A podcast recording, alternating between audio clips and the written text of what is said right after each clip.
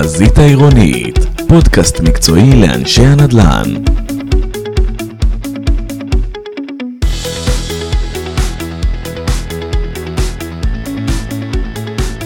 אז uh, בשעה טובה אנחנו uh, מתכבדים להתחיל פודקאסט חדש שמכוון כולו uh, בעיקר לקהל המקצועי, כמובן שגם מי שמתעניין ככה כתחביב מוזמן לשמוע, אבל בעיקר לקהל המקצועי של תחום ההתחדשות העירונית. בעצם אנחנו כבר יותר מעשור של תחום שממש uh, תפס uh, גבולות גזרה ברורים. אם פעם זה היה ככה גישושים ראשונים, אנחנו כבר בעולם שבנה לעצמו תעשייה, עם אנשי מקצוע, עם uh, חקיקה, עם uh, בעיות כמובן, הרבה בעיות, עם הצלחות, לא מעט הצלחות.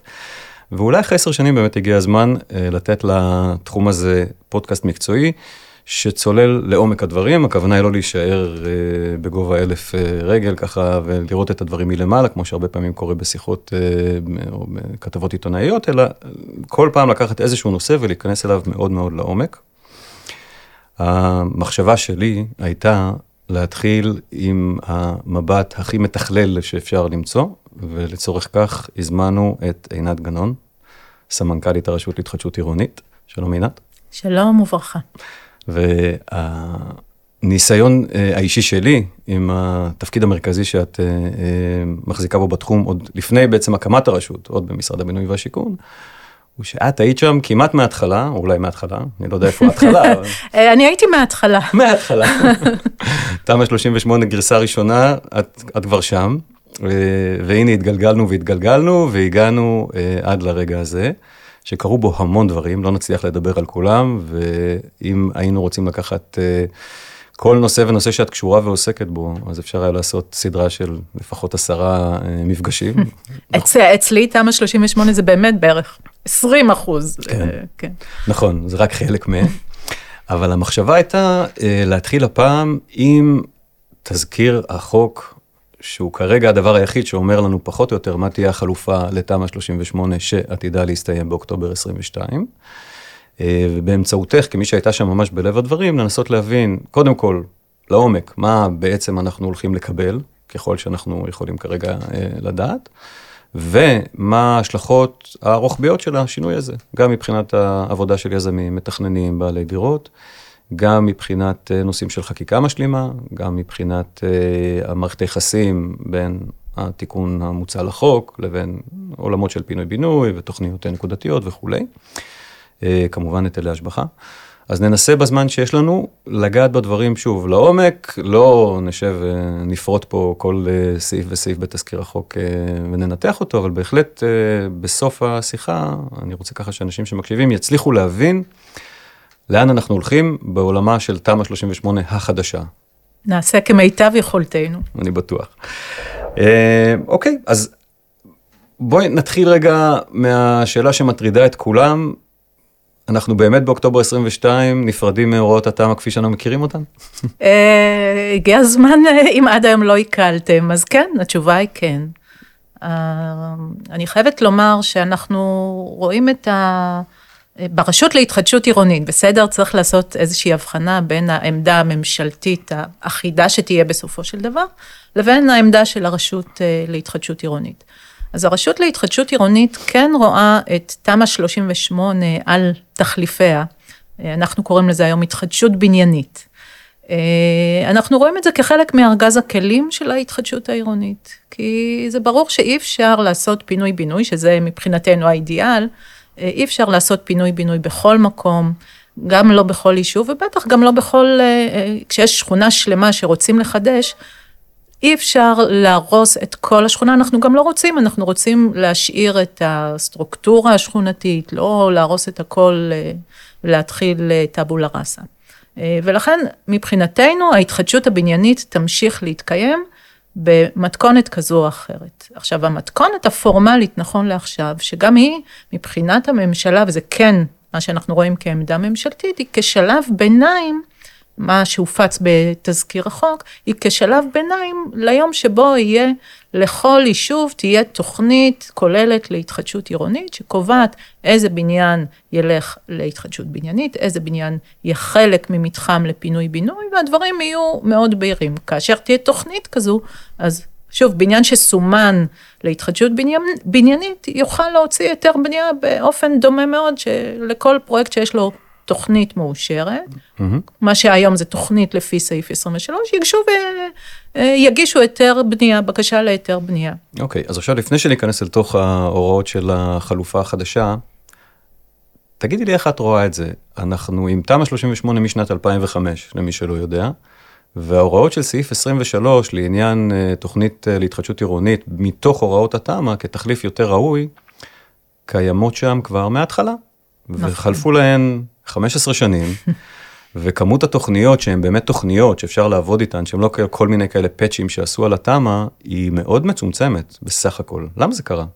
אמ, קודם כל, רשויות מקומיות אה, לא ממהרות לעשות תוכניות כוללות. בכלל, אני מזכירה שחוק התכנון והבנייה קבע חובה על כל רשות מקומית להכין לעצמה תוכנית מתאר. כמה רשויות מקומיות עשו לעצמן? אני חושבת שאפשר לספור אה, על יד אחת, אולי שתיים, לאורך הרבה מאוד שנים, ומי שבסופו של יום עשה את זה, זה אה, מינהל התכנון, אה, משרד השיכון, כל מיני גופים ציבוריים. כמובן בשיתוף הרשות המקומית, אבל רשויות לא ממהרות, אם זה מבחינת מחסור בתקציבים, אם זה מבחינת מחסור בכוח אדם מקצועי, יש להם הרבה טרדות מעבר לתוכניות מתאר, ולכן הם לא מיהרו לעשות את זה. אה, אנחנו נכנסנו לוואקום הזה כבר אה, לפני כמה שנים. אה, אנחנו עשינו לדוגמה לקריית אונו, mm-hmm. תוכנית, עוד לפני שהייתה תמ"א 38 שאפשרה את זה, עשינו תוכנית לפי סעיף 23 לפני שזה קראו לזה כך, mm-hmm. ואז במקביל גם אישרו תוספת, זה היה תיקון 2. בקיצור, אז זה מקום שאנחנו נכנסנו אליו, לא בהיקפים גדולים, אני חייבת לומר, ובשנה שעברה גם פרסמנו קול קורא, בדיוק לתוכניות האלה כדי להיערך ליום של אחרי התמ"א. אבל הבעיה לדעתך היא רצון של הרשות, או חוסר רצון, או משאבים? איפה באמת נמצאת? אה, זה קשה, קשה להעריך, אני חושבת שזה יותר עניין של משאבים ופניות. Mm-hmm. כי כל, רוב הרשויות אוהבות לעבוד מסודר, זה נוח שיש אה, מדיניות ברורה, סדורה, וגם גם לרשות עצמה, אם היא רוצה לפסול או לאשר, אז מאוד נוח להתעלות בתוכנית מסודרת, ולא להתחיל להתווכח עם כל יזם ולהיות מושפע מהלחצים של הדיירים, של השכנים, זה מאוד נוח. זאת בדיוק, את יודעת, כיזם אני מסתכל על זה, ולפעמים אני אומר, כמה משאבים הרשויות נאלצות, נאלצות להשקיע בכל מיני... קרבות בלימה, תיקונים, ויכוחים, ועדות ערר, בכל זאת מחלקות משפטיות עובדות, ובוחנים של רישוי ומהנדסי עיר, כולם מתעסקים עם העניין הזה של התמ"א, ואף אחד לא נהנה מההתעסקות העודפת הזאת, אני בטוח. וכנגד זה אפשר היה לבוא ובאמת לעשות תוכנית, כל רשות, 15 שנה זה המון זמן, כל רשות הייתה אומרת מה מתאים לה. ואז כולנו היינו באיזה עולם הרבה יותר ודאי, אולי במקומות מסוימים הייתה תוכנית ולא היו פרויקטים, ואני בטוח שבמקומות אחרים היו תוכניות וגם היו פרויקטים.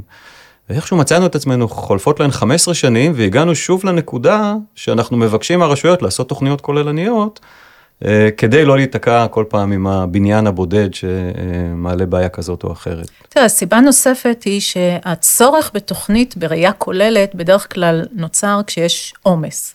כשיש לך בניין בודד פה ושם בשכונה אחת שני בניינים, בשכונה הבאה שלושה בניינים, אז זה לא נורא, זה לא, אה, זה לא, הרשות לא, מג, לא מרגישה את הצורך במדיניות. במקומות שבהם יש אה, שיעור גבוה של בקשות והיתרים, אני חושבת שרובם כן הלכו, אם אני אקח כדוגמה אה, את היישובים המובילים בהתחדשות עירונית, mm-hmm. אז הראשונה בסטטיסטיקות שלנו, גם בבקשות וגם בהיתרים, היא כמובן תל אביב. ברור. הסטטיסטיקות uh, הרקיעו שחקים בשנתיים האחרונות בעקבות אישור תוכנית, uh, התוכנית לרובע 3-4, לרובעים 3-4. Uh, אחריה ניצבת רמת גן, עם כל הקשיים של שינויי המדיניות, ופה באמת לא הייתה לאורך שנים תוכנית.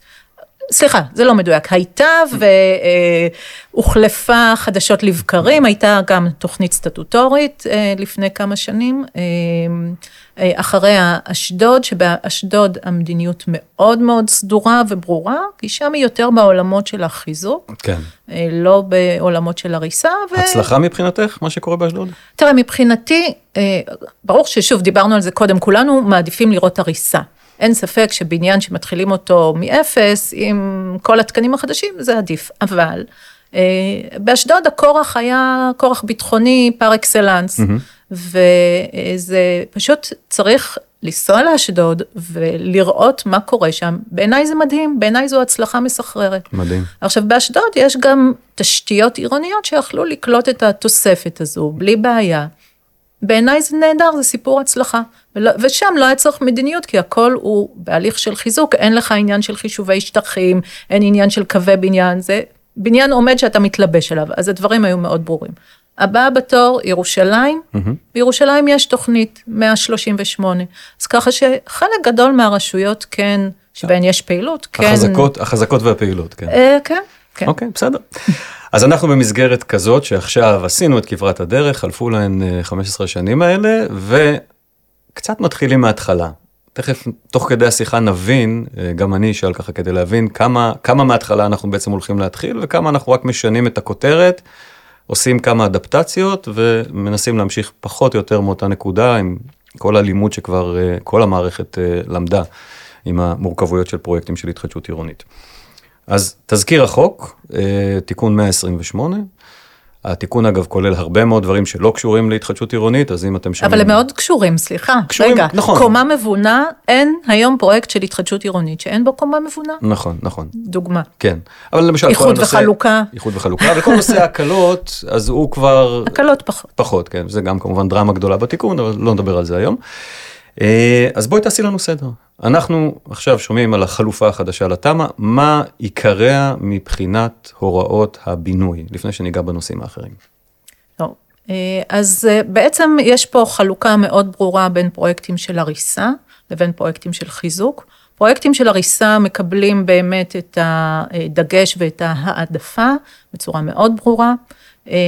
התזכיר מדבר על תוספת של בנייה בהיקף של 350 אחוז לעומת המצב הקיים בפועל, הבנוי. זה צריך לשים לב לזה, כי אה, אנחנו רגילים שבתמ"א הנוכחית, אה, אז התחשיבים היו לפי התוכנית המאושרת, mm-hmm. והיה לנו גם כפל מבצעים אה, עם זכויות התמ"א וזכויות התב"ע, זה היו היה. Mm-hmm. אין יותר, okay. אוקיי. רק לפי מה שבנוי בפועל. אז בואי נעשה את זה ממש ככה שיהיה ברור. יש לנו בניין, שלוש קומות על קומת קרקע חלקית, אה, יש מרפסות סגורות, יש כמובן חדרי מדרגות, חדר מדרגות. כל המסה הזאת, זה הבסיס לחישוב עכשיו? בדיוק, וזה זה גם היבט שמאוד חשוב לזכור, כי הבסיס הוא ברוטו ברוטו. Mm-hmm. בדיוק כמו שאמרת, כולל חדרי מדרגות, מרפסות, הכל. וכשאנחנו היום עוברים לבנייה חדשה, לא צריך להגיד לאנשי המקצוע, ששטחי השירות הם הרבה יותר גדולים משטחי השירות שהיו לנו פעם. וזה יוצר קושי, mm-hmm. כי אם אנחנו צריכים להכניס גם כמובן את הממ"דים, ואת השטחים שיש לנו למעליות ולמערכות, התמונה משתנה, מה שמביא אותנו לסימני שאלה שבטח תכף נדבר עליהם, של הכדאיות הכלכלית. ברור. אבל בואו נמשיך עם ה... כן, בואו נתחיל קודם עם התוכנית. אז יש לנו את המאה אחוז הזה, שזה כל הבניין הבנוי. אגב, בנוי כדין, כלומר, כל מה שיש לו היתר חוקי. ולא, ולא מתחשבים במה שנבנה בתוספות שנבנו אחרי שנת 2000. אחרי שנת 2000, אוקיי, אבל בוא נניח... זה גם שינוי לטובה, נכון. כי בתמ"א זה היה אחרי 2005. נכון. אז יש לנו איזושהי נקודת כניסה מאוד ברורה, כי קל לקחת ולדגום את השטח הבנוי אה, לפי היתר ולדעת שמזה מתחילים. את זה אנחנו מכפילים ב-3.5, 350 אחוז, ויש לנו נפח בנייה חדש, וגם הוא כולל הכל, הוא כולל ממ"דים, הוא כולל כל שטחי השירות הנדרשים, אה, וכמובן הוא כולל את השטחים העיקריים. הוא לא כולל מרפסות כמובן. רגע, ועוד דבר, הוא יכול לכלול שימושים שכירים שונים, הוא יכול לכלול גם מגורים וגם מסחר, גם משרדים, אין הבחנה בעצם, אין, אם התמ"א לפני כן בעצם דווקא במה שהיה בתב"ע המאושרת, השימושים שהיו מאושרים בתב"ע, שזה בדרך כלל היה מגורים, כי בכלל התמ"א נתנה את התוספות המשמעותיות למגורים, אז אפשר במצב העתידי לכלול שימושים אחרים, שאין מגבלה על כמה מהם מגורים וכמה מהם שימושים שכירים אחרים. אוקיי, אז כאן השתכללנו, כי במקום ללכת עכשיו לתוכנית שמחייבת את המחוז... סימן שאלה אם השתכללנו, תכף נדבר. כן, בוא נגיד שיש כלי שהוא כלי יותר משוכלל, אחר כך אם זה טוב או לא, ואם זה אה, עושה את חיים קלים או קשים, אנחנו נראה. אז יש את ה-350 אחוז, זה פשוט. אנחנו כרגע רק מדברים על עולם של הריסה ובנייה, תוספת, נדבר אחר כך. אה, בסדר, עכשיו יש את נושא שטחי הציבור. נכון. אז מה קורה אפשר שם? להוסיף, ל... להוסיף לשטח שדיברנו עליו עד 15 אחוז ממנו. אגב, כל המונחים הם עד, מהמם. בסדר? הוועדה המקומית לא מחויבת לאשר את כל ה-350, לכאורה יכולה גם אה, לחתוך בפחות. אה, מתוך אותם 350 אחוז שטחים, אפשר עד 15 אחוז להוסיף שטחים שהם ציבוריים. מתוך ה-350 או בנוס... בנוסף, ל-350? בנוסף, בסדר. בנוסף, ויש רשימה של מהן התכליות הציבוריות. אני חושבת שבסך הכל בסיטואציה הזו, אה, זה דברים שבהחלט הם אה, סבירים, אה, אה, מרפאה, גן ילדים, בית כנסת, יש שימושים, יש איזושהי אמירה שהיא קצת יותר פתוחה של מתקנים אה, אה, שאנחנו לא ברור לנו מה הם, אה, כן, ששם יכולים להיכנס כל מיני דברים, וזה קצת בעינינו צריך לדייק ולהבהיר, כי יש דברים שלא מתאים לכלול. אין בעיה בעיניי שיהיה דווקא, אגב, אחת ההערות שלנו הייתה שיהיה אפשר שיאפשרו להוסיף את השטחים הציבוריים בתת הקרקע.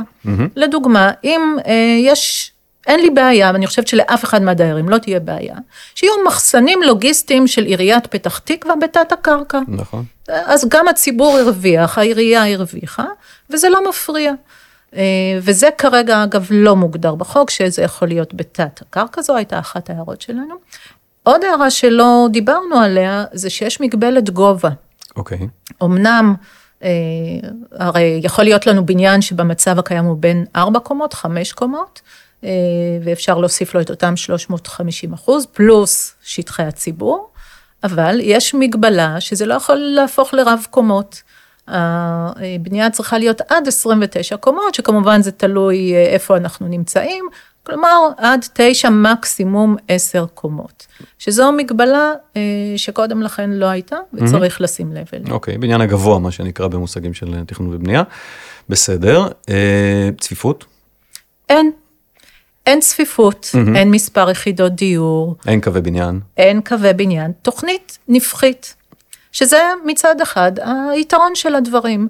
אה, בתמ"א הרי אנחנו כולנו מכירים, היו מגבלות של קווי בניין ככה וככה, צידי, אחורי, קדמי, פה אין מגבלות, כי אנחנו עושים תוכנית. אוקיי, זה בדיוק אז, ההבדל. אז זה צריך להסביר, בדיוק. פה הגדרנו את המסגרת שהיא עד, זאת התקרה שבעצם חוסכת לרשות המקומית וליזם את הצורך ללכת למחוז ולעשות תוכנית אה, אה, בסמכות מחוזית, כל עוד הוועדה לא יכולה לעשות את זה בעצמה.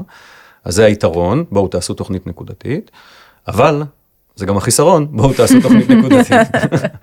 כן, רגע, אבל בוא, בוא נגיד, בכל אופן נישאר רגע בצד של היתרונות. אוקיי. זה אמורה, זו אמורה להיות תוכנית שעושים אותה יחד עם היתר הבנייה, אוקיי?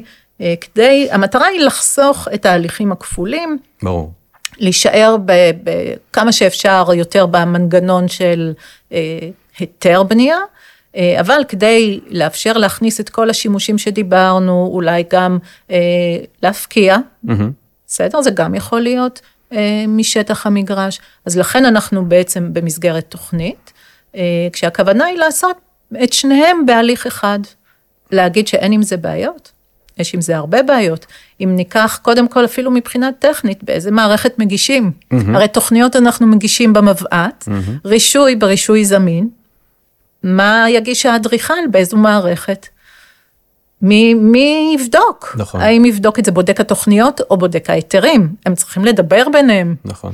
אז יש פה עוד לא מעט אה, סוגיות שצריך אה, אוקיי, לטפל בהן. בסדר. אז בואו נשאר עדיין במסגרת. הרעיון ללכת אל פתרון של תוכנית שבעצם נותנת שליטה הרבה יותר גבוהה לוועדה המקומית, והיא פחות מוצאת את עצמה, אני מניח הנחה, תגידי אם אני צודק, היא פחות מוצאת את עצמה בקרב הגנה בפני ועדות ערר, שבא היזם ובעלי הקרקע, בעלי הדירות, ואומרים, תשמע, יש לי תמ"א, תמ"א רוצה לממש, אנחנו רוצים את הכל, ואז מתחילים לעשות את הוויכוח הזה בפני, אה, בדרך כלל ועדות הערר, עד כמה ראוי לתת באותו אה, מקום. אז פה אנחנו עוברים לעולם אחר, שבעצם הוועדה המקומית מחליטה, כי אם היא לא תזרום עם התוכנית אז לא יהיה בכלל על מה לדבר. ויש לה די הרבה חופש אה, פעולה עם כלים קצת יותר נוחים לתפעול שמאפשרים לשמור את הכל ברמה המקומית ובתיאום נכון? זה, זה הרעיון כלומר שליטה לוועדות המקומיות ומצד שני אפשרות יותר אה, גמישה ל... בוא נגיד ככה אני לא חושבת שזה לא הייתי מגדירה את זה כך אלא יותר האפשרות שדיברתי עליה קודם של ההתחשבות בציבור הכללת מרכיבים ציבוריים. זה זה הרציונל ש... כי אנחנו בעצם הרי למה פחות אוהבים ברמה התכנונית הכללית את תמ"א 38, כי היא נקודתית, היא מטפלת בבניין הבודד בלי שום תרומה לציבור, mm-hmm. למרחב הציבורי, לציבור, וזה בדיוק uh, מה שכן מתאפשר בתוכנית. זה, זה הרציונל שעומד מאחורי הדברים. Okay. אוקיי. שוב, אנחנו רוצים לראות בכלל את הראייה הכוללת, השכונתית, העירונית, ו... תכף נדבר על זה, על המסגרת של התוכנית הכוללנית, שגם לזה התיקון לחוק מתייחס. אז נעשה סיכום קצר, אנחנו מדברים על 350 אחוז ביחס לשטח הבנוי כיום ברוטו לברוטו, אנחנו מדברים על עריכה של תוכנית, תוכנית אה, אה, תב"ע אה, לכל דבר ועניין, עם עירוב של שימושים. גם בתוך ה-350 אחוז אפשר ליצור עירובי שימושים יותר יצירתיים, ובנוסף עוד עד 15 אחוז שטחים שיכולים ללכת לטובת אה, שטחי ציבור, מתוך ההבנה שבמגרשים בודדים, או אפילו בצירוף של שניים שלושה מגרשים, לא תמיד ניתן לתת הפקעת קרקע מלאה, שהיא אפקטיבית מבחינה תכנונית, אז פה נכנסים השטחים הציבוריים אל תוך המבנה עצמו, נכון? נכון מאוד. אוקיי, נכון. יופי. כל זה היה בעולם של... אה, ולא אמרנו עוד דבר, כן? שהתזכיר מתייחס אה, רק לבניינים שהם מינימום שתי קומות ומינימום שתי יחידות דיור במצב הקיים. שגם זה מאוד מקל. כן, מאוד כן, מקל. זה עושה את הדברים מאוד ברורים. אוקיי, מעולה. עכשיו, אה, ואמרנו צפיפות ללא מגבלה, כל הדברים האלה יקבלו כבר במסגרת התוכנית. והתזכיר עדיין נותן את האפשרות, הוא לא מבטל אותה, חרף כל הביקורות שהיו, אבל הנה מקודם אמרת בעצמך, אשדוד היא דוגמה טובה למקום שלא יכול היה להחזיק כלכליות לפרויקטים של הריסה, והלך לתוספות ועשה את זה כנראה בהצלחה רבה. אז יש גם את המסלול הזה של תוספת על הקיים, בעולמות, בשפה המדוברת נקרא לזה, התמ"א 1, תמ"א 2, אני תמיד לא מצליח להבין כן, את הז'רגון, כי, כי אין כבר תמ"א 1 ותמ"א 2, אבל אנחנו אה, בעצם מקבלים את שני המסלולים, עיבוי וחיזוק והריסה ובנייה. אז מה אנחנו עושים במסלול עיבוי וחיזוק במסגרת התוכנית החדשה? אז מבחינת היקפים, קודם כל, אנחנו מדברים על תוספת של 200 אחוז, שוב, על פי אותם פרמטרים של קונטור בניין קיים, mm-hmm.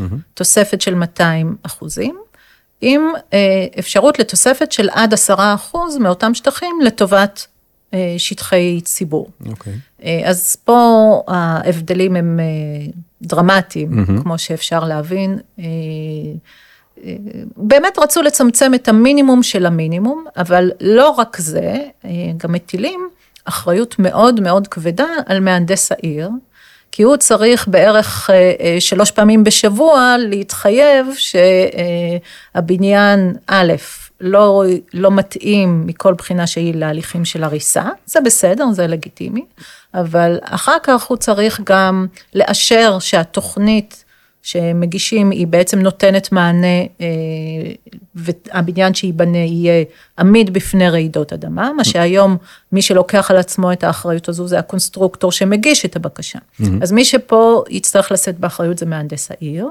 ואחר כך, גם אחרי שהבניין נבנה, כתנאי לטופס אכלוס, מהנדס העיר יצטרך לחתום שהוא הבניין שנבנה בפועל עמיד. אוקיי? מטילים עליו באמת אחריות. אתם לא רואים את החיוך של עינת, אני רואה. אבל אם קודם הם אהבו את המסלול הזה של חיזוק כן, ותוספת, אז עכשיו הם יעופו עליו. כן, כן. אני חושבת שזאת אחריות שהיא באמת אה, אה, לא סבירה, זה קצת אה, מוגזם. אז למה? בגלל אותן אמירות שאני חלילה לא שוללת אותן, אבל יש אמירות שונות, אבל היו מהנדסים שבאו ואמרו שההליך של החיזוק, לא, אה, לא יספק ביום רעידת האדמה.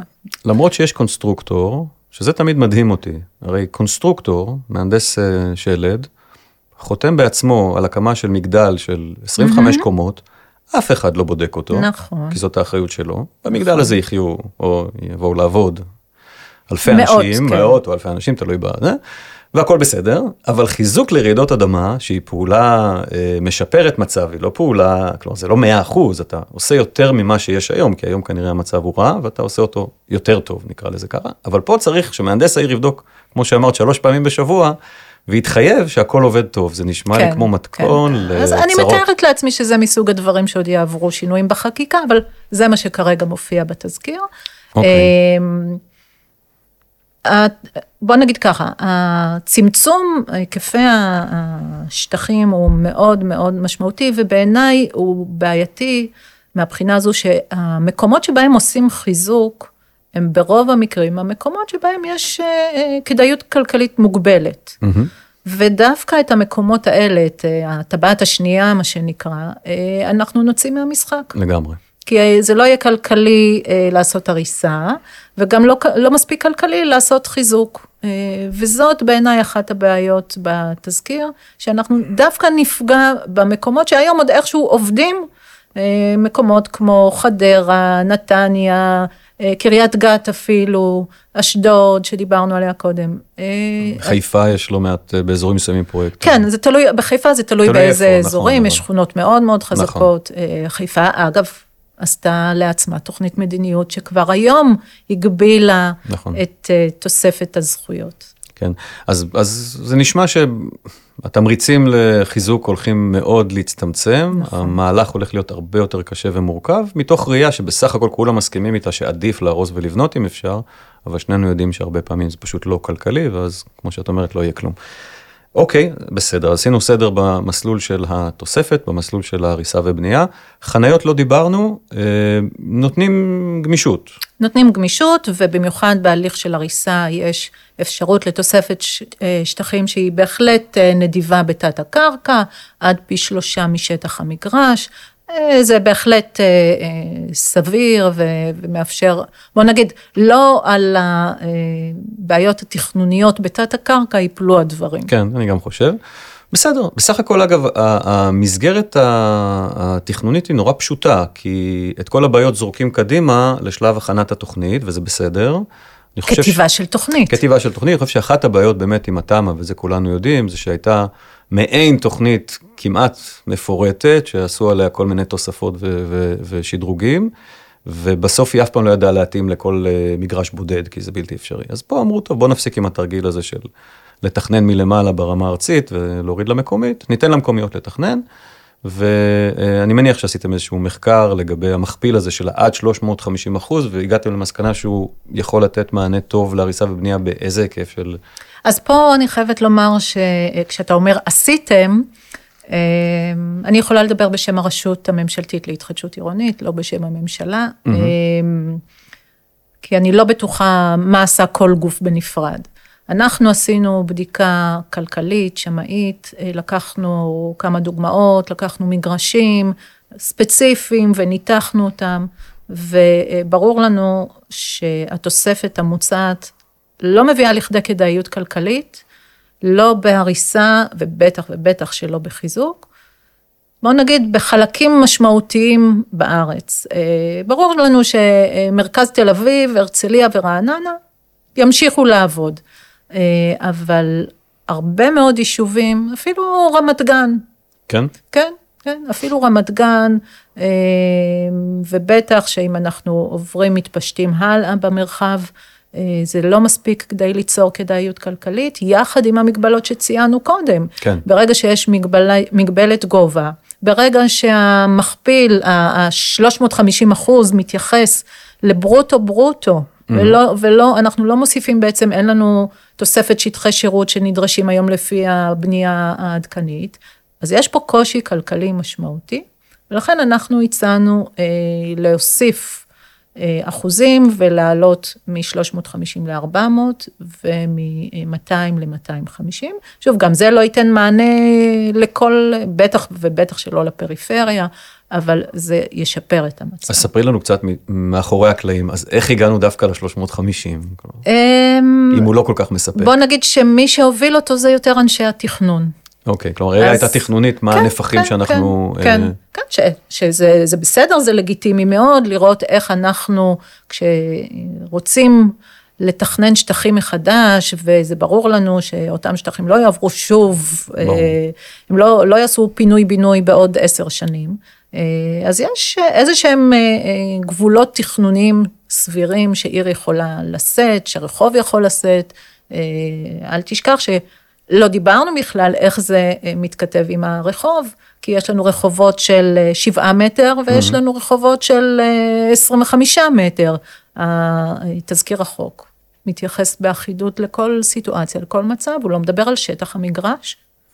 אין הבחנה, שזה יכול להיות משהו שכן היה צריך אה, אה, נכון. לקחת אותו בחשבון, כי אני חושבת ששטח המגרש הוא, בוא נגיד שמגרשים של 750 מטר ומטה, זה בטוח לא כלכלי. אוקיי. אין ב- ברוב חלקי הארץ. אין בכלל סימן שאלה. מגרשים גדולים יותר כבר יש עם מה לעבוד. אבל במגרשים הקטנים, ואם אתה עוד רוצה צרכים ציבוריים, אז בכלל, וכמובן שאלת השאלות של היטל השבחה, תכף נדבר על זה. והאם הוא נכלל בבסיס או לא. בקיצור, אה, אני סקרן, יש פה קושי. לא, אני סקרן שנייה, הרי מצד אחד יש לנו מגמה וכולם מדברים על זה כל הזמן, צריך לצופף את הערים, והתחדשות עירונית זאת ההזדמנות הכי טובה לנצל אה, קרקעות שכבר אה, נתפסו והוכשרו לבנייה, ובמקום להכשיר שטחים פתוחים ירוקים ולהרוס אותם, אפשר לנצל שוב ולעשות reuse אה, לקרקע. אז במספרים גדולים, לאיזה מקדם, מקדמי צפיפות מגיעים כשעושים את המכפלה הזאת של ה-350 על, ה- על הבניין הקיים, גם לצפיפויות לדונם כל כך מסיביות? לא, זה לא כל כך מסיבי, אבל שוב, אתה נשאר כל הזמן ברמת המגרש הבודד. אתה לא בסיטואציה של פינוי-בינוי, שאתה מאחד חלקות, אה, ואם אנחנו מסתכלים על הערים שעוברות, אה, ש- שיש בהן ריבוי תהליכי תמ"א, אה, זה בדרך כלל מגרשים קטנים, נכון. אוקיי? ב- בוודאי שבגוש דן. ובדרך כלל במרכזי הערים, צריך להגיד, הפינוי-בינוי שעל הנייר אין שום סיבה לא להיות בעד, הוא מאוד מתאים למסות הגדולות, לבלוקים גדולים, נכון. שיכונים, מגרשים של דונם פלוס, הכל טוב. אבל כשאתה בתוך מרכז עיר, גם מהנדסי ערים, ראינו למשל את תל אביב, לא רצתה ללכת לציפוף אה, מסיבי ולא רצתה לעלות, גבוה במרכז העיר ברוב השלוש. תוכנית נשארה מרקמית, כמעט שימורית אפשר להגיד. נכון, נכון. אז המנטרה הזאת של הפינוי-בינוי עדיף, אוקיי, הוא עדיף, אבל לא תמיד זה מה שהעיר רוצה. אז קודם שואל כל, לך- גם תל אביב עוברת אה, שינוי, אה, וזה תלוי... בשכונות המתאימות. בדיוק, זה תלוי, זה בסדר, זה זה מאה בסדר. אחוז, כן. אני, אני חושבת שעיר צריכה שיהיה בה מגוון מאוד רחב, אחרת יהיה לנו מאוד משעמם נכון. לראות, לא משנה מה, מה כל אחד, אה, מה העדפה של כל אחד, אם אחד מעדיף מגדלים, השני מרקמי, אה, השלישי צמודי קרקע, אבל עיר שיש בה רק צמודי קרקע, היא משעממת. כן, אבל את יודעת, אני חושב שנגיד אה, שכונת אה, חרוזים שם ברמת גן, שהיא אחת הדוגמאות הקלאסיות לשכונה שכבר, אפשר להגיד כמעט עברה. כבר, את- עברה את התהליך, עוד יש הרבה בניינים שלא, אבל בדרך, היא עובדת. יש לה בעיות תחבורה, קשה להיכנס לצאת, נכון, אבל היא עובדת. הנפחים שמתקבלים זה לא בניינים נמוכים, זה מגיעים שם עד לגובה של תשע קומות, אה, עם קווי בניין אה, די צפופים, וזה בסך הכל בסדר, אתה מקבל חוויה עירונית שהיא, אני, לנו כעוברי אורח, צריך לשאול גם את הדיירים. מה את שומעת מהדיירים? אמ, בוא נגיד שאנחנו פחות שומעים את, ה, את אלה שאחרי, אנחנו יותר שומעים את התלונות תוך כדי, כן. את ההתנגדויות של הדיירים. אה, בוא נגיד שזה צריך להיות כנים, שאתה עובד בפינצטה, בניין פה, בניין שם, בשיטת השיניים החסרות. כן. הדיירים שמתגוררים ברחוב, בטח ושבבניין, סובלים. ברור, זה, ב- זה בשלב התהליך, אין מה לדבר. כן, אה, ב- אחרי, אני חושבת שהדברים בסך הכל עובדים יפה מאוד. אמ, הקושי המרכזי שאני חושבת שיש לנו בתהליכים האלה, הוא בעיקר בעולם של אה, מוסדות הציבור. כן, כי אתה לא יכול להמציא יש מאין שטח חום. ברור. אוקיי? גם בפינוי-בינוי זה מאוד קשה. אה, גם כשאתה לוקח שכונה, מתחם, רחוב, ורוצה לקדם הליכי פינוי-בינוי, ליצור שטחים ציבוריים יש מאין ולצופף, זה מאוד מאוד קשה. ובטח ש, שבשיטת התמ"א של ההתחדשות הבניינית שאנחנו קוראים לה, אה, זה, זה בעצם האתגר המרכזי, כי אה, לעבות שטחים חומים זה מאוד קשה. אז בעצם הרעיון הוא לפזר את השטחים החומים עד כמה שניתן, בתוך הפרויקטים הבודדים, בהנחה ולא ניתן לעשות מתחם שמגדיר ככה ארבעה דונם לבית ספר ועוד ארבעה דונם לבינוי נכון של מאוד. מגדלים. כן. נכון מאוד. אוקיי, בסדר. אה, עכשיו דיברנו על התוכניות שנמצאות בתוך תזכיר החוק, המסלול של תוכנית, שהוא באמת נקודתי. כלומר, יזם ודיירים ניגשים לוועדה ומקדמים תוכנית. די ברור. התזכיר מתייחס גם לאותו עולם יותר רחב, כוללני, שמחליף את התוכניות מכוח סעיף 23 של התמ"א. אז בואו נשמע קצת על המנגנון הזה. אז חשוב להגיד שהאפשרות הזו לתוכנית פלוס היתר אה, תעמוד לרשות הציבור לתקופה של שלוש שנים. קצר. או, מה זה קצר? קצר, מה זה שלוש שנים? זה... זה כלום, זה כלום. תראה, הרי אמרת קודם שתמ"א 38 אושרה ב-2005. אנחנו התחלנו לספור היתרים בצורה שבאמת אפשר לספור, ושוב, זה היתר, זה רק היתר. כן. התחלנו לראות uh, התייחסות באמת של ב-2010, נכון. והשוק השתכלל והתייעל בערך ב-2014, שבאמת התמקצעות של אדריכלים, של עורכי דין, הדיירים בעצמם. אז זה שוק שלוקח לו זמן, זה, זה ספינת הנדלן, איך אומרים, היא, היא משחטת, היא, היא לא סירת דייגים לגמרי. כזו זריזה. אז ברור שזה מעט מאוד, לשר הפנים יש סמכות להאריך בשנתיים נוספות, ומה צריך לקרות? בשלוש שנים מיום אישור החוק צריך להגיש לוועדה המחוזית תוכנית מתאר כוללת להתחדשות עירונית, או לשכונה או לעיר כולה. רק נחדד, מי שצריך להגיש זה כמובן הרשות. הרשות המקומית. ברור. כן, זה שוב. אותה רשות ש-15 שנה התקשתה לעשות כן, את הדבר, עכשיו כן. צריכה בתוך שלוש שנים לסגור כן. את המהלך, ואם היא לא עושה את זה? אם היא לא עושה את זה, אין לה סמכות, נשללת הסמכות לאשר את ההליך המקוצר הזה של תוכנית פלוס היתר. ובעצם מרוקנת מתוכן את, את, ה... את, את כל הרעיון. נכון, okay. נכון. ו... אי אפשר להתעלם מסיטואציה אפשרית, שתהיה רשות מקומית שתגיד, אוקיי, בסדר, לא לי, נורא. מתאים לי מאוד. כן. כן, זה אפילו חוקי. כן. בשונה מהתמ"א שעוד היינו מתווכחים על החוקיות. כן, כן. זה מטריד. זה מאוד מטריד אותנו, זה ממש מטריד אותנו, ואני מזכירה ש... אנחנו תלינו את יהבנו במה שגובש והוסכם עליו בתחילת הדרך וגם הוצג במועצה הארצית, שתהיה סמכות מקבילה. Mm-hmm. שאם באמת, או שיש ועדה מקומית שלא מאשרת את הפרויקטים האלה, אפשר יהיה לפנות לוועדה המחוזית. ולצערי, ב... כאשר התזכיר פורסם, האפשרות הזו ירדה מהפרק, אנחנו ביקשנו להחזיר אותה.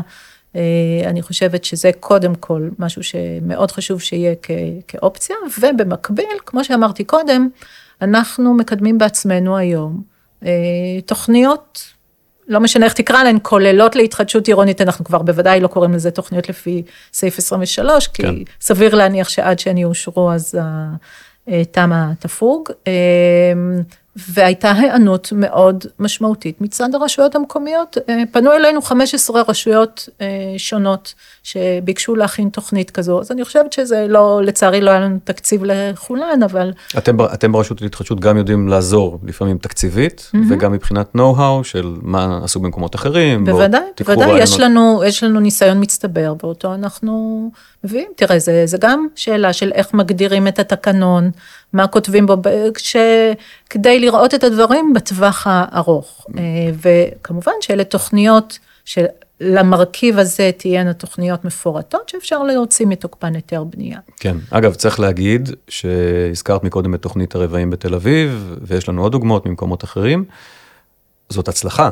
לגמרי. ברגע שהרשות מחליטה מה היא רוצה, לוקח שמונה שנים, נכון, אבל ברגע שהיא מחליטה מה היא רוצה. וכמה. ועדות ערר. וכמה ועדות ערר עד למועצה הארצית, אבל ברגע שהעניין נסגר, יש באמת תב"ע שאפשר לעבוד איתה, מאוד מפורטת, נותנת שקט מוחלט כמעט לכל המערכת, יזמים, בעלי דירות, עירייה, הכל באמת עובר לעולמות של רישוי ולא לעולמות של תכנון, כמעט נכון. ולא מתווכחים על, על נושאים תכנוניים, וזה קורה.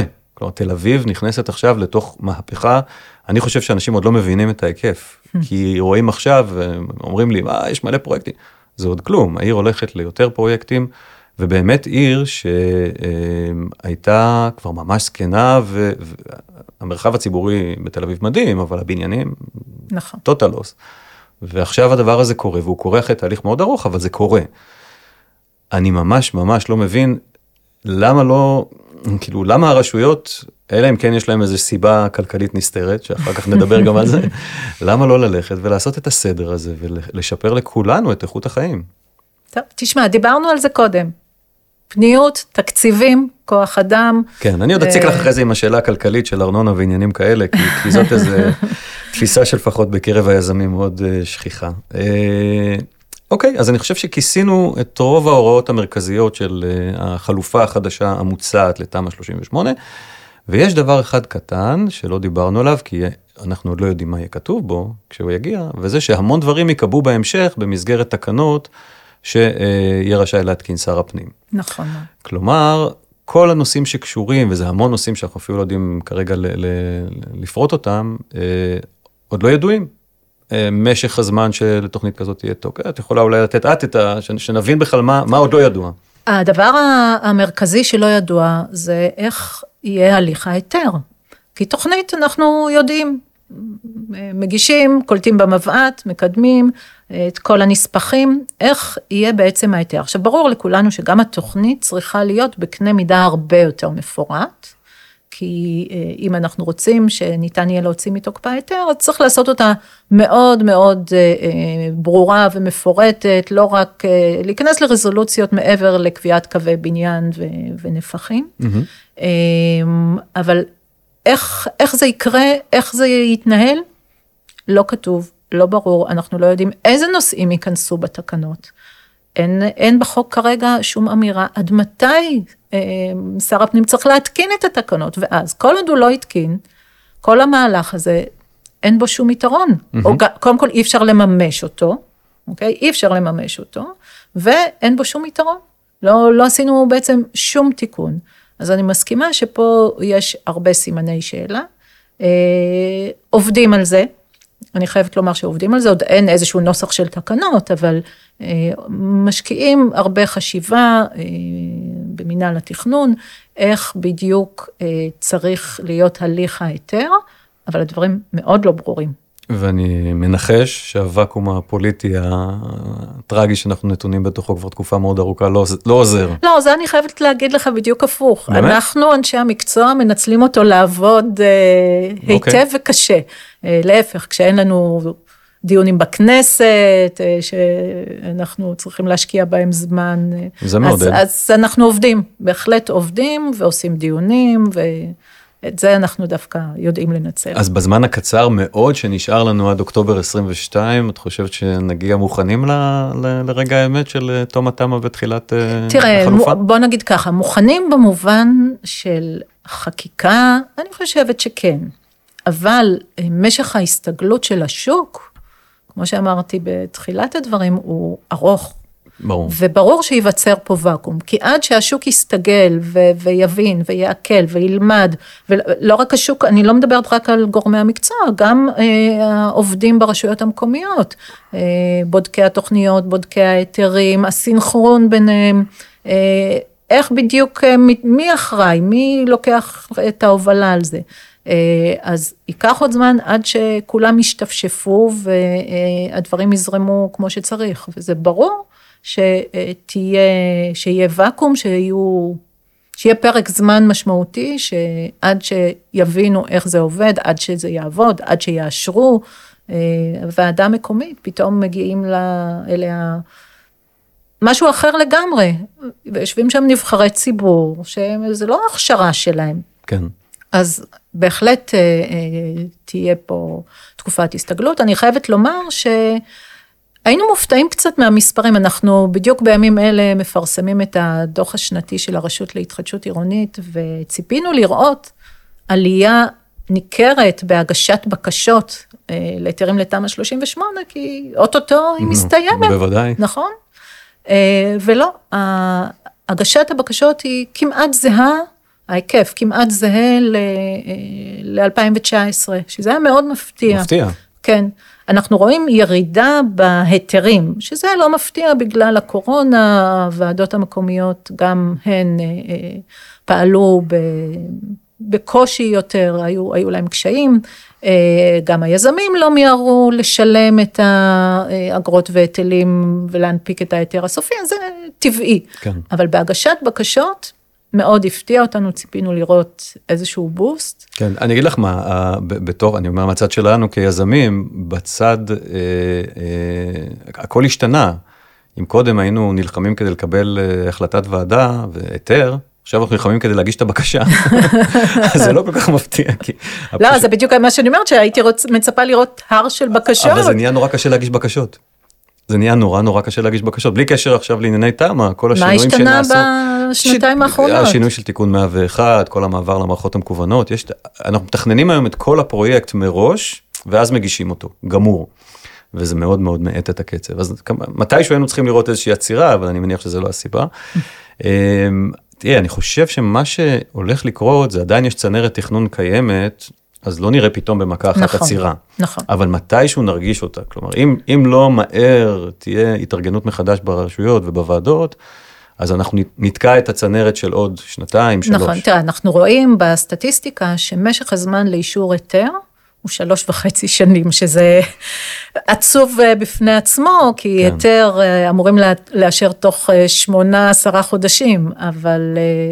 כשאנחנו מדברים רק שכולם, מי ששומע אותנו יתאפס, מדובר פה לא על היתר ל-100 דירות, אלא היתר לתוספת של בין 4 ל-20 דירות, כן? כן. זה כן. סדרי הגודל.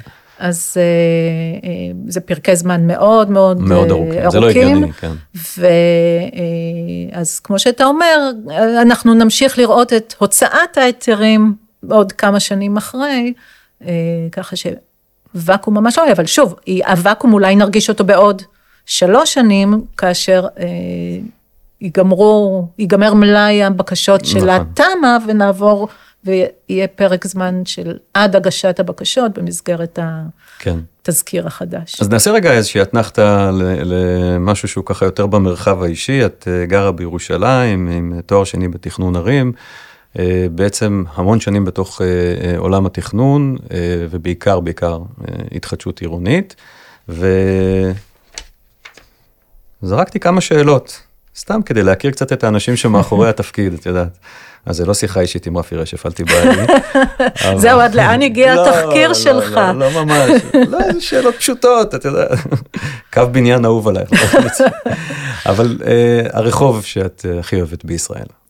אה, תראה, קודם כל אני ירושלמית אה, במקור, אז אה, אני לא אתחיל לדבר איתך על רחובות ירושלמים, כי אני חושבת שרוב ציבור המאזינים פחות מכיר. אין, אין פה רגולציה, מה שאת רוצה תגידי, גם אם זה רחוב קטן. אני חושבת שאחד הרחובות המאוד סימפטיים, אני בכל אופן אלך לגוש דן, זה רחוב ביאליק ברמת גן. זה רחוב שהוא מאוד עירוני, עם המון חנויות פעילות. וחנויות מכל הסוגים, אה, ויש פה צניעות מכל הבחינות, גם בבינוי וגם באנשים. Mm-hmm. אתה ממש מרגיש כזה רחוב שהוא בעיר ש...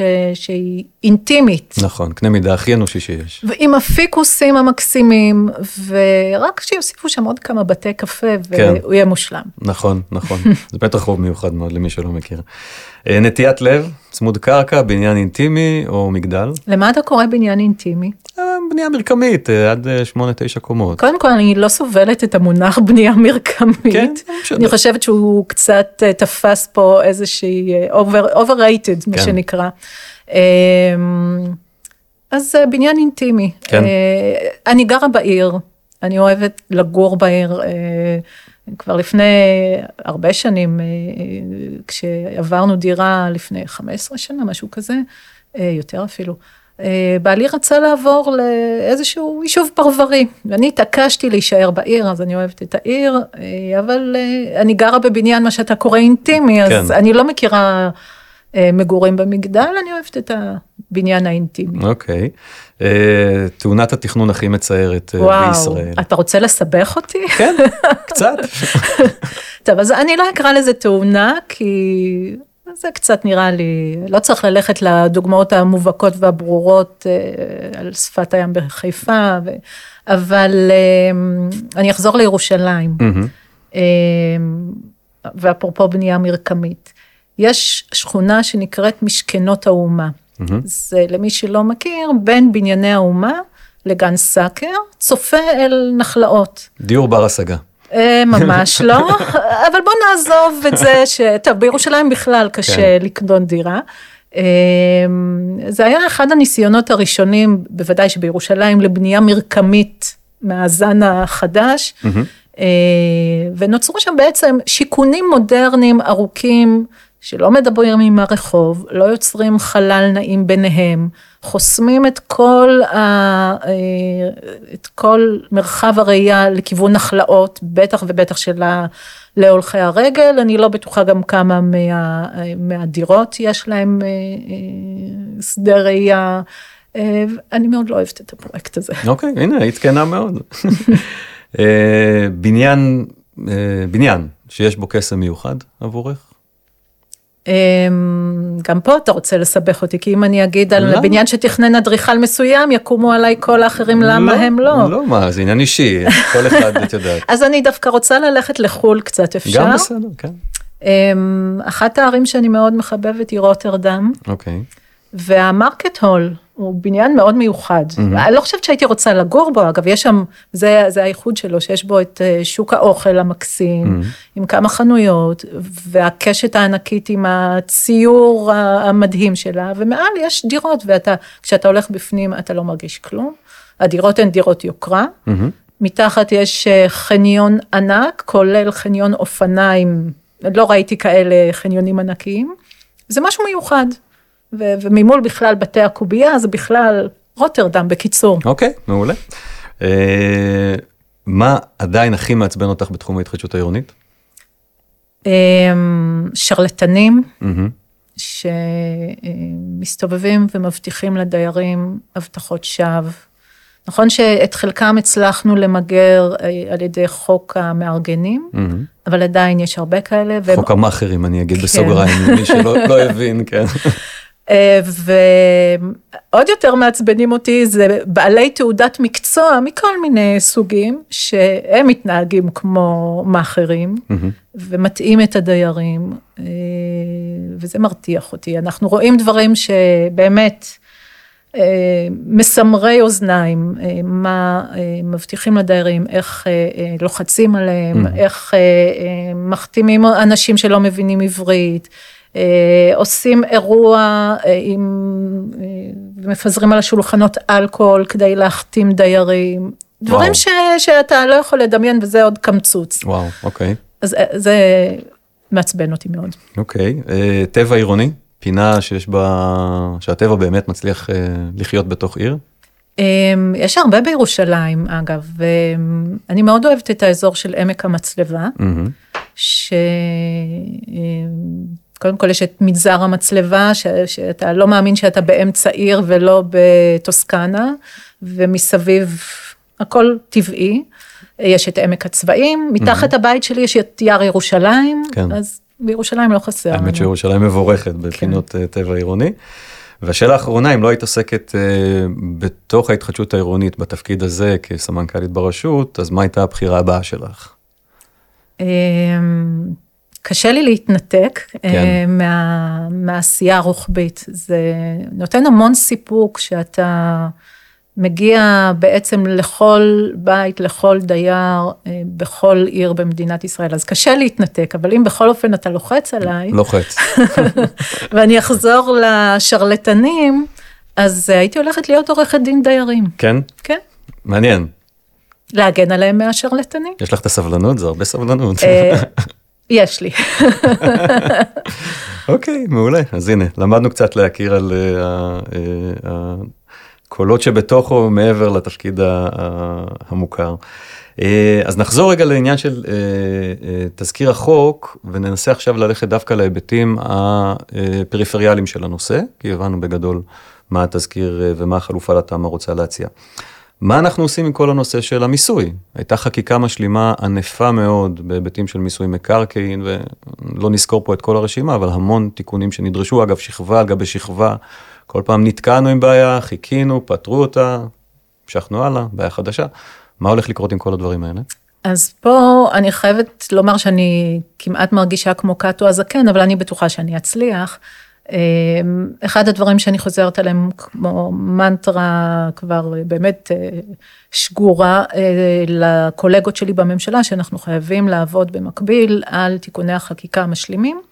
שהם בשני העולמות, אחד זה המיסוי שדיברת עליו, אבל השני הלא פחות חשוב זה הקניין. רגע, אחד אחד, אבל אוקיי. Okay. אוקיי, שניהם, בסדר, בסדר, נתייחס לשניהם ביחד. אז uh, uh, מבחינת המיסוי, צריך לומר uh, שגם המיסוי נחלק לשניים. Uh, יש לנו את עניין היטל ההשבחה, mm-hmm. קודם כל, שהוא כן נכלל בתזכיר החוק.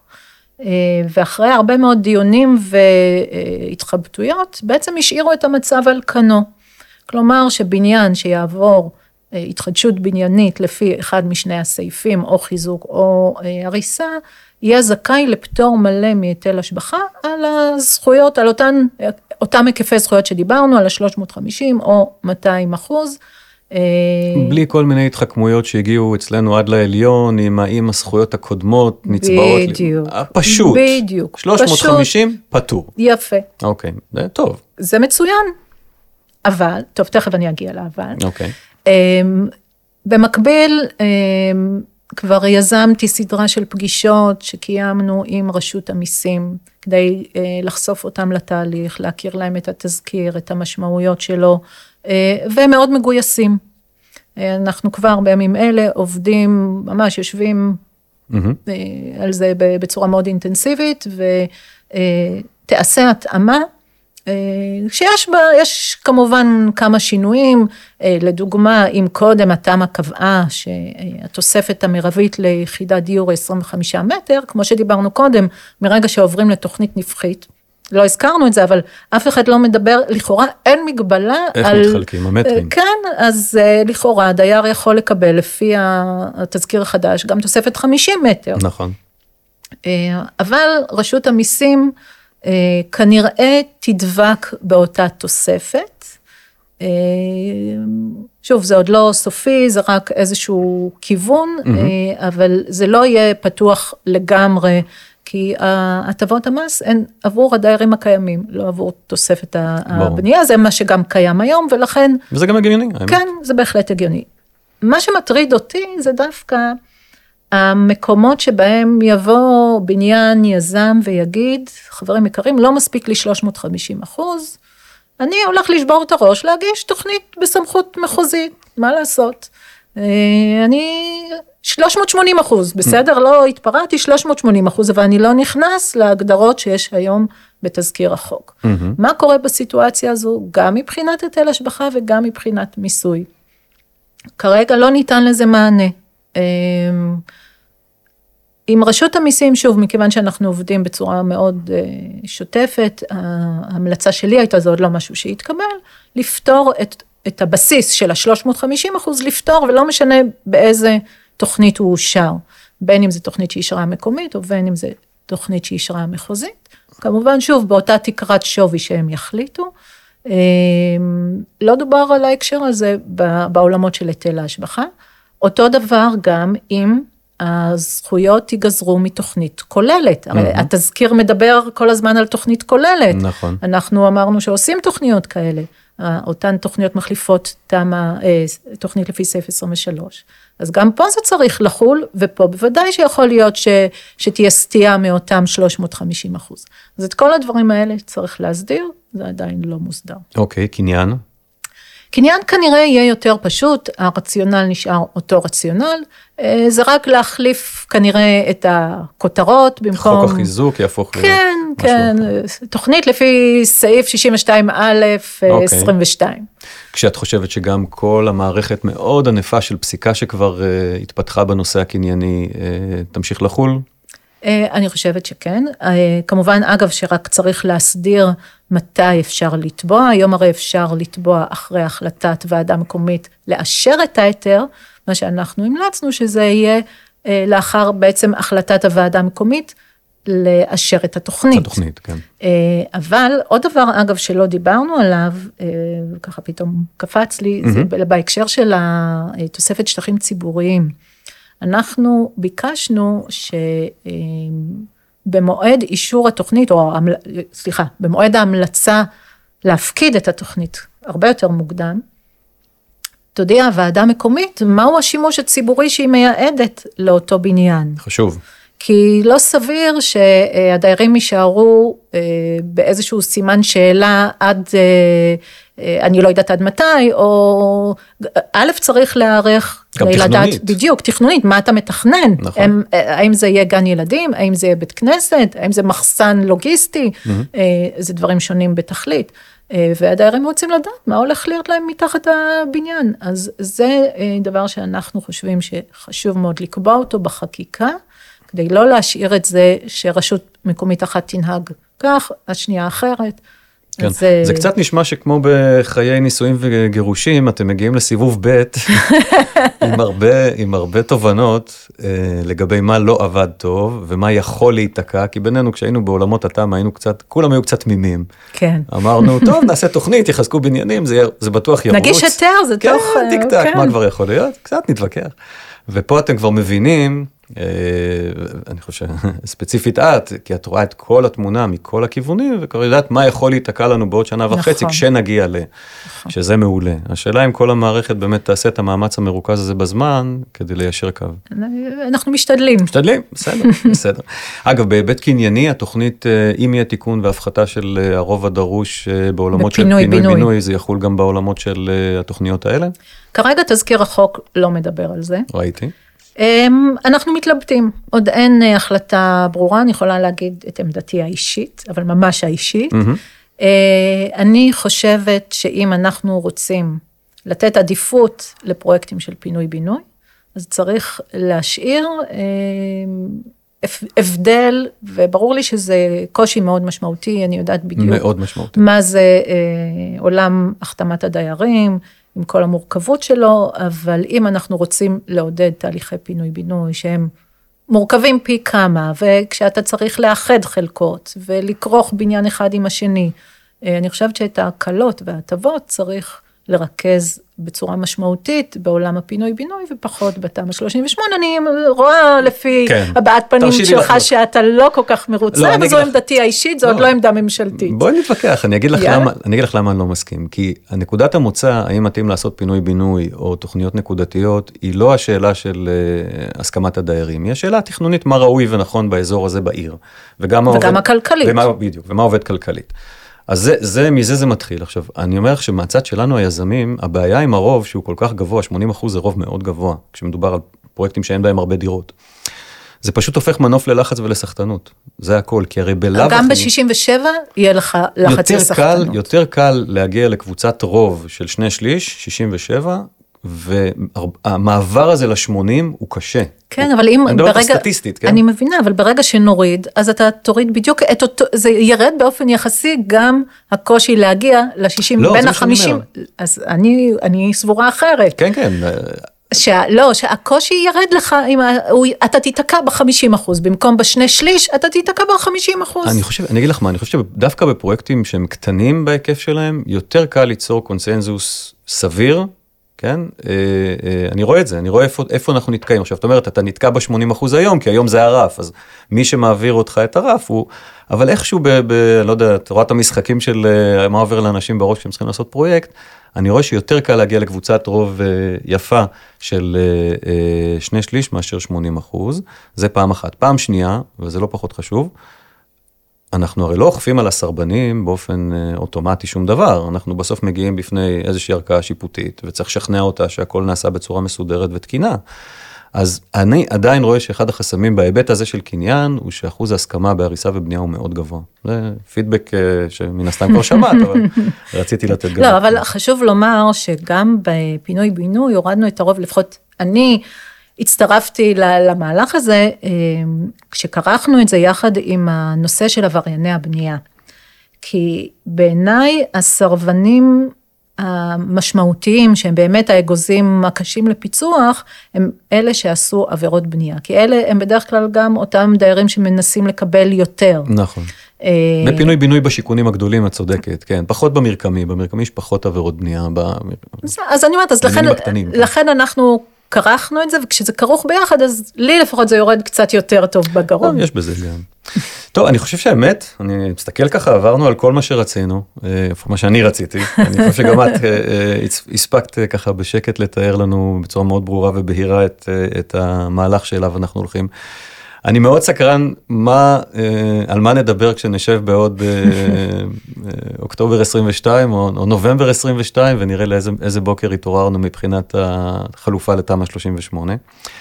אה, אני גם מתריע בפנייך שאני שומר את הזכות להזמין אותך שוב. כי יש לנו עוד איזה לפחות שלושה ארבעה נושאים ששווים שיחת עומק אה, שכזאת. המון בשמחה. תודה שבאת, המון תודה על הספתח. ותמשיכי אה, לעשות את מה שאת עושה, כי אנחנו צריכים, אני אומר אנחנו, מדבר בשם היזמים, אפשר לחשוב כמי, אבל צריכים עזרה שהתחום הזה ימשיך, אה, ימשיך לפרוח ולא ילך לאחור. זה נורא נורא חשוב. אז עינת גנון. אני אעשה את מירב המאמצים, אוקיי, אז עינת גנון, תודה רבה. בשמחה. להתראות. להתראות.